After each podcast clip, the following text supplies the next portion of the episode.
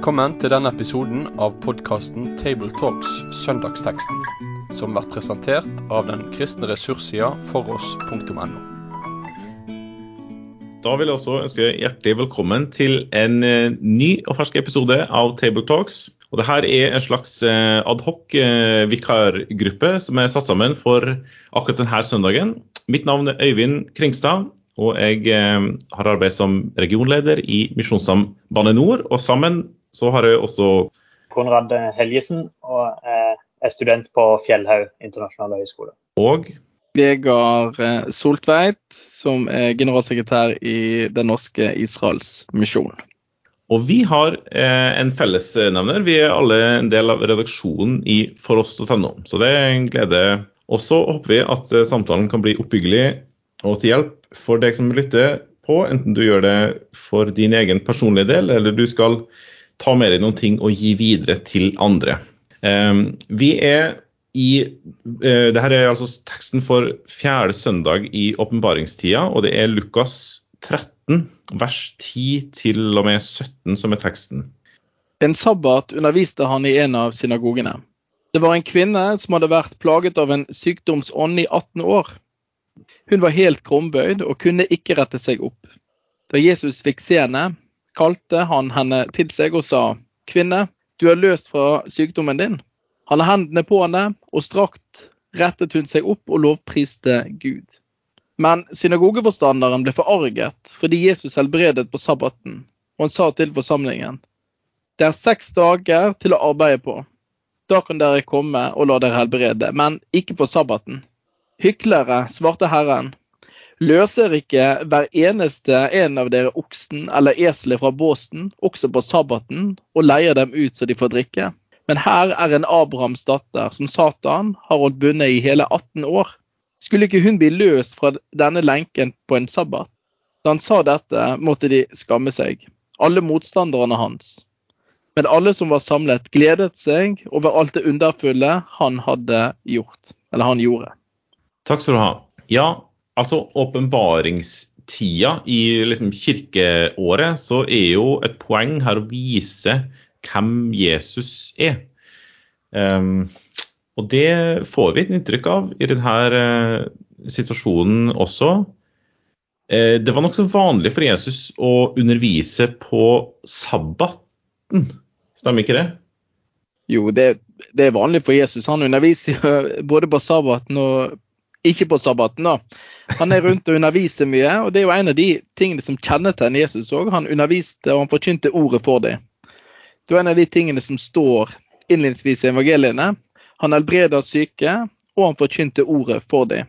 Så det kan jo måtte oppsummere en del av tjenesten til Jesus òg, det han hadde. Han var en forkynner.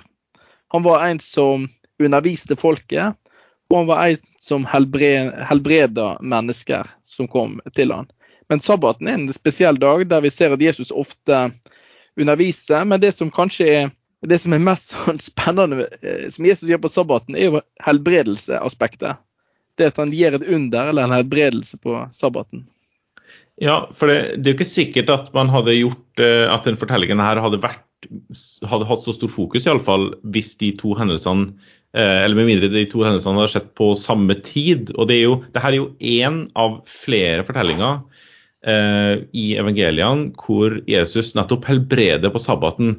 Og I den fortellingen vår så står det ikke noe særlig om altså Vi skal komme litt inn på fortellingen her, men, men uh, poenget er at det blir uh, dårlig stemning, rett og slett. Han synagogenforstanderen blir forarga, og så snakker han ut, liksom, ja, bruker anledning til å si noe om det her. da. og Det står ikke noe særlig om motivasjonen hans her, men en del av de andre plassene i evangeliene så står det noe om at dem som da talte imot, gjorde det for å ta Jesus på noe vis. Så det blir en spekulasjon hva var det egentlig han tenkte for noe, han synagogeforstanderen. Men det er jo ei dame her som altså er krumbøyd og har vært syk i 18 år. Forskjellige bibeloversettelser bruker litt forskjellige ord. Sykdomsånd, vannmaktsånd, avmakt blir brukt. Det er jo interessant i seg sjøl at han knytter sammen både sykdom da, eller avmakt eller det har jo noe med svakhet å gjøre, i hvert fall, og sykdom og ånd. og det gjør det jo litt uklart for oss om er det en besettelse det er snakk om, eller er det en helbredelse vi er vitne til, som på en måte er mer bare en ren sånn somatisk eller sy sykdomstilstand. Ja, så, og det, det, det, kommer liksom ikke helt fram. Men du kan si, altså fellesnevneren her er jo at hun sjøl er ute av stand til å gjøre noe med situasjonen. Hun er, hun er sårbar øh, og lider, rett og slett. Og så syns jeg det er, veldig, det er jo på en måte et sånn flott sånn oppbyggelig poeng da, at det står i vers 12 her da Jesus fikk se henne, kalte han henne til seg og sa Virker nesten som at han avbryter det som han drev med og talte kanskje da, ifra før av. Og med en gang han ser denne kvinna, da Ja, ja, OK. Vi stopper her, og så fortsetter vi etterpå. Og så gjør han noe med henne. Det, det er jo flott poeng i seg sjøl. Ja, jeg tenker det, og, og Hvis en klarer å leve seg inn denne her sabbaten, og at vi var i synagogen sammen, så tror jeg det akkurat sånn hadde vi sett det. Jesus underviser, så kommer det inn ei kvinne som alle kjenner godt.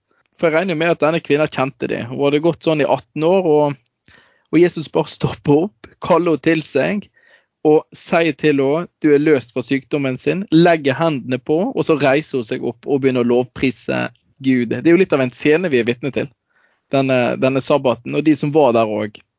Men det som er litt rart, det er jo kanskje at uh, i vers 14 så, så, er det ikke dette som får fokus, at hun plutselig kan rette seg opp, men det er jo nettopp at det er sabbaten dette har skjedd på. da. Det er jo, det er jo litt sånn rar greie, da. For jeg tror kanskje vi hadde reagert annerledes hvis dette hadde skjedd uh, hjemme hos oss.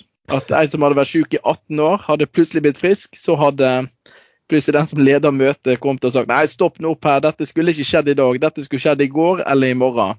Så det er litt sånn rart fokus som kom inn i, fra vers 14. Og det sier kanskje litt om eh, noe av poenget her, at det er nettopp en sabbat, og det er i en synagoge dette skjer. For da er vi inne på det som altså nettopp det skjer i åpenbaringstida. Ikke for å bruke altfor mye poeng med, med liksom kirkeåret sin eh, oppsett her, men poenget er å vise noen ting om hvem Jesus er. Vi har nettopp feira jul. Sant? Han kom. Og hvem var det som da kom? Jo, sånn her, han her var det som kom. Og da viser han seg OK, nå spoiler jeg litt poengene her, da. Sorry. Men han viser seg både som en som er herre over ja, både besettelse og sykdom. Du kan si, sant, Konrad? Det blir liksom begge Det spiller ikke noen rolle. Jesus er herre over begge deler. Og han er herre over sabbaten. Så, så mm. det, her formidles det noe voldsomt stort for oss som leser det nå, men kanskje enda større for dem som faktisk var der. For sabbaten, det uh, tuller du ikke med. Nei, den tuller du ikke med. I den jødiske kontekst så er det jo klart at det, det, det er jo et høytids, høytidsfolk. Det er masse høytid der. Og den ukentlige og store høytiden er jo sabbaten. Eh, kanskje i vår kristne kultur tenker vi ikke på søndagen liksom, som, en, som en høytid, som, men i en jødisk kontekst er det en høytid. Det er den mm. ukentlige høytiden som kommer, og det er en familiehøytid. En, det er en, en, dag hvor en skal ikke arbeide, legge ting fra seg. Og, og sabbaten har mye å si i en jødisk kontekst, og det viser jo denne teksten her. Synagogen og sabbaten hører jo òg sammen, og det er en viktig dag for fellesskap. Det er en viktig dag som Gud har innstifta, og en skal underordne seg sabbaten. Det ligger jo òg i dette. Sabbaten har regler, en skal underordne seg. Men når Jesus går inn, ikke bare i denne teksten, men òg i andre ja, sabbatstekster vi, vi leser i Nytestamentet, så går jo Jesus inn og sier han herre over sabbaten. Jeg er større enn sabbaten. Jeg tror faktisk for våre ører at det er vanskelig å forstå egentlig hvor radikalt og, og stort og, og, og, hvordan dette må ha skjært i ørene til de som hørte på, og virkelig var eh, sabbat, at, at, de overholdt sabbaten. da. Mm. Hva er det du sier? Hva er det du gjør? er du herre over sabbaten? Og så er det nettopp det Jesus går inn og sier. Han er menneskesønnen. Det er jo den tittelen han bruker om seg sjøl fra, fra, Daniel. Og i en annen sammenheng så sier han jo òg at eh, sabbaten ble jo altså Mennesket ble jo ikke lagd for sabbatens skyld, men sabbaten for mennesket. Og han er menneskesønn. Han er altså over sabbaten. Og hvem er det som kan si det? Jo, den som har innstifta sabbaten. Dermed så presenterer han seg jo òg som Gud, herre over sabbaten. Og det er ganske stort. Og dette hører en med en gang en jødisk kontekst. Hvem kan si at du er herre over sabbaten? Gud. Og det gjør Jesus. Ja, altså, og vi kunne sagt som en eh, litt humoristisk, men det er jo selvfølgelig bokstavelig talt blodig alvor i det. Sånne påstander, det blir du jo drept for. Nå begynte jo jeg med å si at det, det, altså det mest radikale og store han gjør på sabbaten, er jo disse underne. Men det er jo andre sammenhenger der han har en undervisning som faktisk driver folket til å nesten ta livet av han. Fører han mot et stup, f.eks. Mm. Og, det er jo, og det er jo nettopp det han sier på sabbaten. Det, disse helbredelsene han gjør, og dette at han sier at jeg er Gud, som gjør at lederne begynner å legge planer for å ta livet av han. Det er blasfemi, det er Guds bespottelse. Vi må ta livet av denne her snekkersønnen fra Nasaret som går rundt og sier at han er herre over sabbaten, bl.a. Apropos det, så er det jo faktisk interessant å legge til merke til når eh, rettssaken mot Jesus presenteres, så blir jo ikke sabbatsbudet nevnt som noe han bryter. Og det, det, viser jo kanskje at det var litt sånn Er det helt eksplisitt at han bryter sabbatsbudet, eller er det bare litt sånn tvilsomme tilfeller her hvor han liksom eh, kom med en litt sånn annen type innsikt i loven enn det, enn det de forsto det som. Mm. Spørsmålet blir jo er, er han på en måte i samsvar med Er han liksom en lovlærd eh, på en måte som har forstått hva loven sier, eller på en måte setter han seg over loven og bryter han på en måte nærmest. Og Der tror jeg jeg vil eh, si at bildet bygges jo sterkere opp om at han, han er den lovlærde som virkelig forstår hva lovens intensjon og hva lovens budskap virkelig er. Ja, at det er sånn Bibelen legger det opp, ja. Men vi må jo ta med, må ta med et lite, ikke, ikke akkurat sidesprang, men et litt sånn annet spor i denne eh, synagogeforstanderen sin reaksjon. En ting er i hvilken grad han forsto Jesus som den vi har snakket om han nå. Det er jo ikke gitt at han forsto alt det der. Det kan være at han rett og slett hadde en eh, god, gammeldags eh, regelrytter i seg. Og ja. som vi alle kan kjenne oss igjen i. holdt jeg på å si. Her er det eh, måter å gjøre ting på som er god, sant? Som, som, legger opp til gode ting, og som er gode praksiser. Og, og, ja, jeg vet ikke helt Det er masse eksempler man kan bruke på det. Men som ikke i seg sjøl er meningsbærende, om du vil. Altså, eh, her er det jo Jesus som sier at han, han eh, OK, dypest sett så er han den sanne sabbat. Det går jo på en måte an å si det sånn. Og, og derfor så vil jo enhver overholdelse av sabbaten som dag måtte ha det som fundament. Men det virker som at det har jo ikke han synagogeforstanderen i blikket. Han har sabbaten som dag som fundament. Her er det Kom gjerne med helbredelser. Det er jo, han er jo ikke mot det. Absolutt ikke. Eh, men dere har seks andre dager å komme uh, på å gjøre det. Mm. Så jeg tenker, det, det, er jo et ja, det er jo et aspekt ved det, altså, som vi skal tenke på og passe oss for i, når vi driver en kristen virksomhet. Hva er det ja. egentlig som er målet her? Ja, Det er jeg helt enig med. Jeg tenker, Det handler litt om intensjonen bak. Altså, Hva er intensjonen istedenfor reglene som Altså, Sabbaten er jo egentlig ment for å være utrolig god. Og, og, og det, så, ment, ment, for å være god, og den er god. Den er god. Og så av og til så, så, leser du at denne gode ordningen som Gud har gjort, det blir en sånn nesten en tvangstrøye. da, Ikke gjør det, ikke gjør det. Ikke gjør, altså Det blir, det blir stressmoment istedenfor å være den hvilen Gud har gitt. Egentlig er sabbaten helt fantastisk. Altså, Når Gud skaper mennesket, så første dagen mennesket får oppleve, er sabbaten. Det er hvilen som kommer. Og jeg tenker på israelsfolket, og, og ikke bare sabbaten, men, men alle høytidene som det jødiske folk og Israel får det vitner jo om altså, at Gud er fundamentalt annerledes enn farao. Altså Når de var i fangenskap og var treller, så var det arbeid, arbeid, arbeid. Så kommer de inn til Gud, og han Altså det, det er høytid på høytid på høytid. Mm. Altså det, det, er helt annerledes.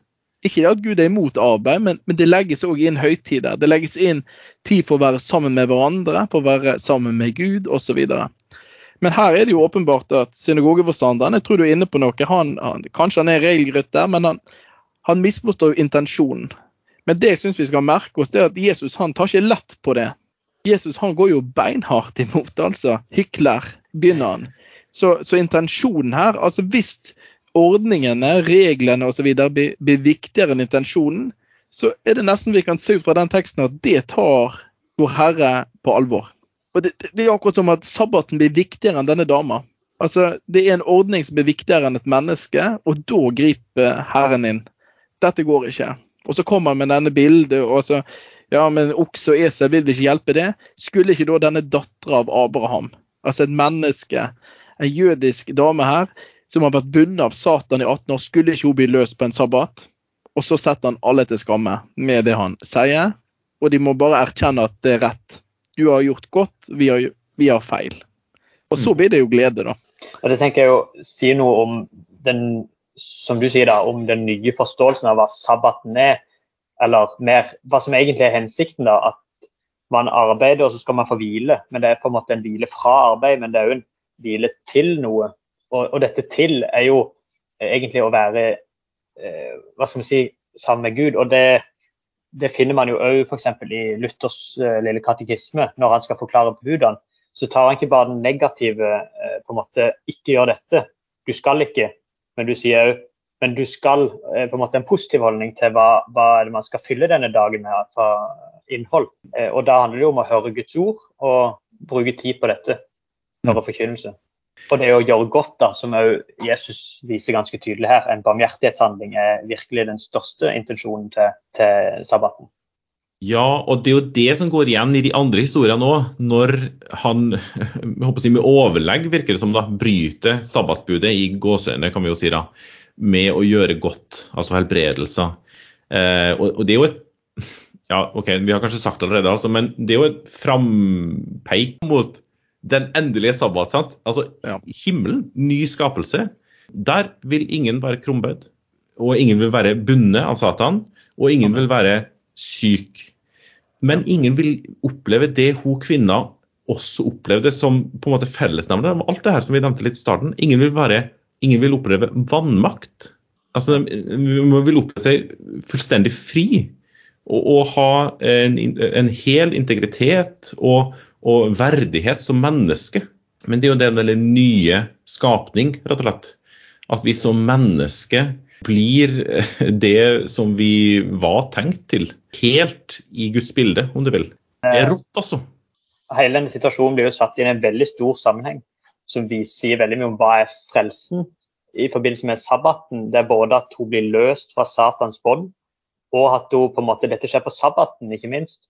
Og det viser fram til Guds egen hvile, som det står om i hebreerbrevet. Akkurat dette med hebreerbrevet syns jeg var veldig interessant å legge merke til. hvordan hvordan dette er et toledda. Du er både en befrielse fra Satans rike og makt, mm. men òg du får gå inn til Guds hvile. Begge disse klinger jo med i hebreerne, både to og fire, men òg i samme tekst som uh, hos oss. da. Ja, Det er noen sånne lange linjer her som blir, som blir trukket. Og jeg tenker en annen ting. Eh, det er jo ikke bare at Jesus er herre over eh, sabbaten og denne evige sabbatshvilen, men det at han gir dette underet også er jo, eh, kan vi også si at det er et tydelig messiansk tegn i, i, i Lukas. Altså, når døperen Johannes spør er du Messias, det er jo en annen plass, da. Er, er, du han vi skal vente på, eller skal vi vente på noen andre? Og Da sitter jo mm. døperen Johannes i fengsel. Og jeg husker når jeg var sånn tenåring og leste dette, her, så tenkte jeg kunne ikke du bare sagt ja, Jesus, på det spørsmålet? Så hadde det liksom ja. Så kunne vi vist det her, sier han til nede. Men Jesus svarer jo og sier dette til døperen. sant? Lamme går, blinde ser, osv.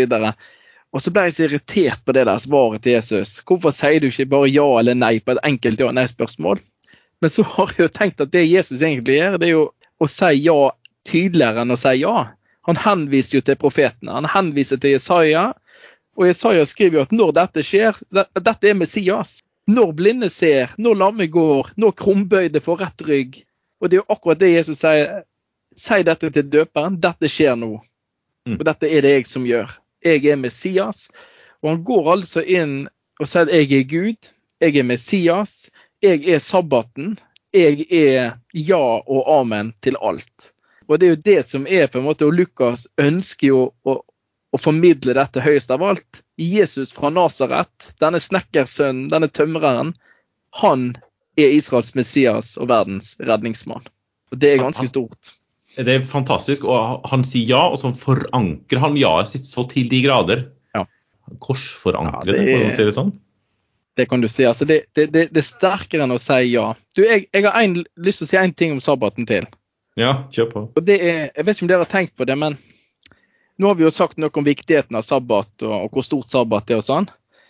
Eh, og, og, så eh, tenker fra en jødisk kontekst inn mot en kristen, da.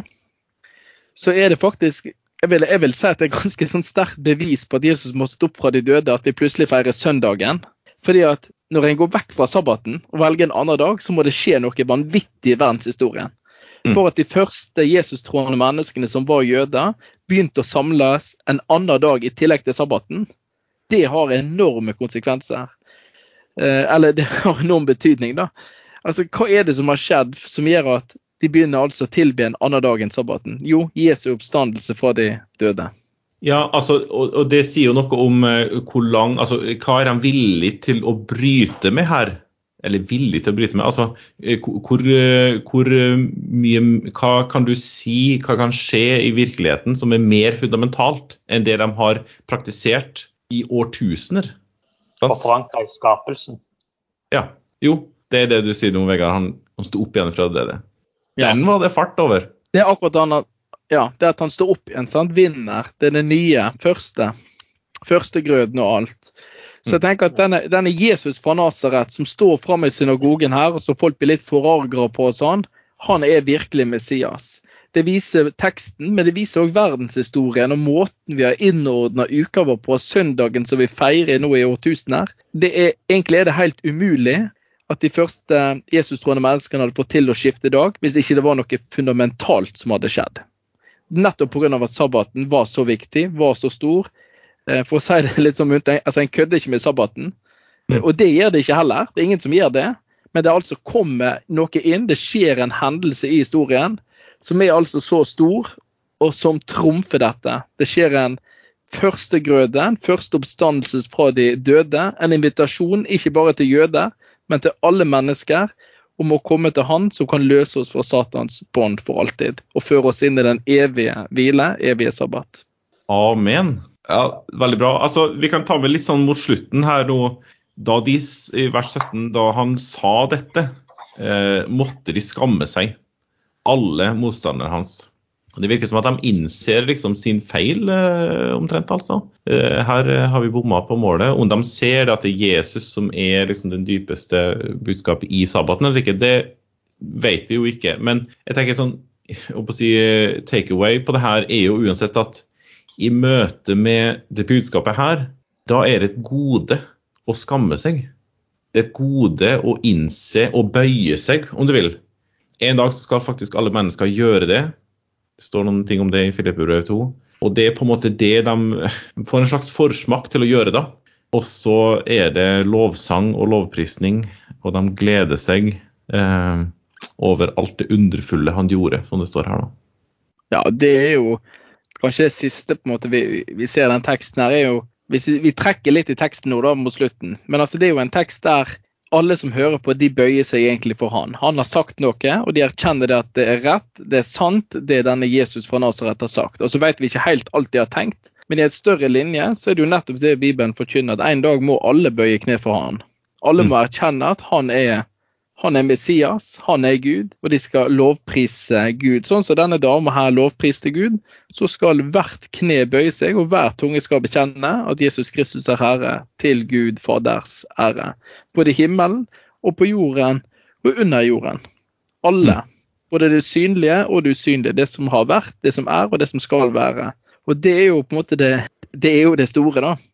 Og det lever vi. Vi er ikke der ennå, men vi, vi tror at vi skal der, da.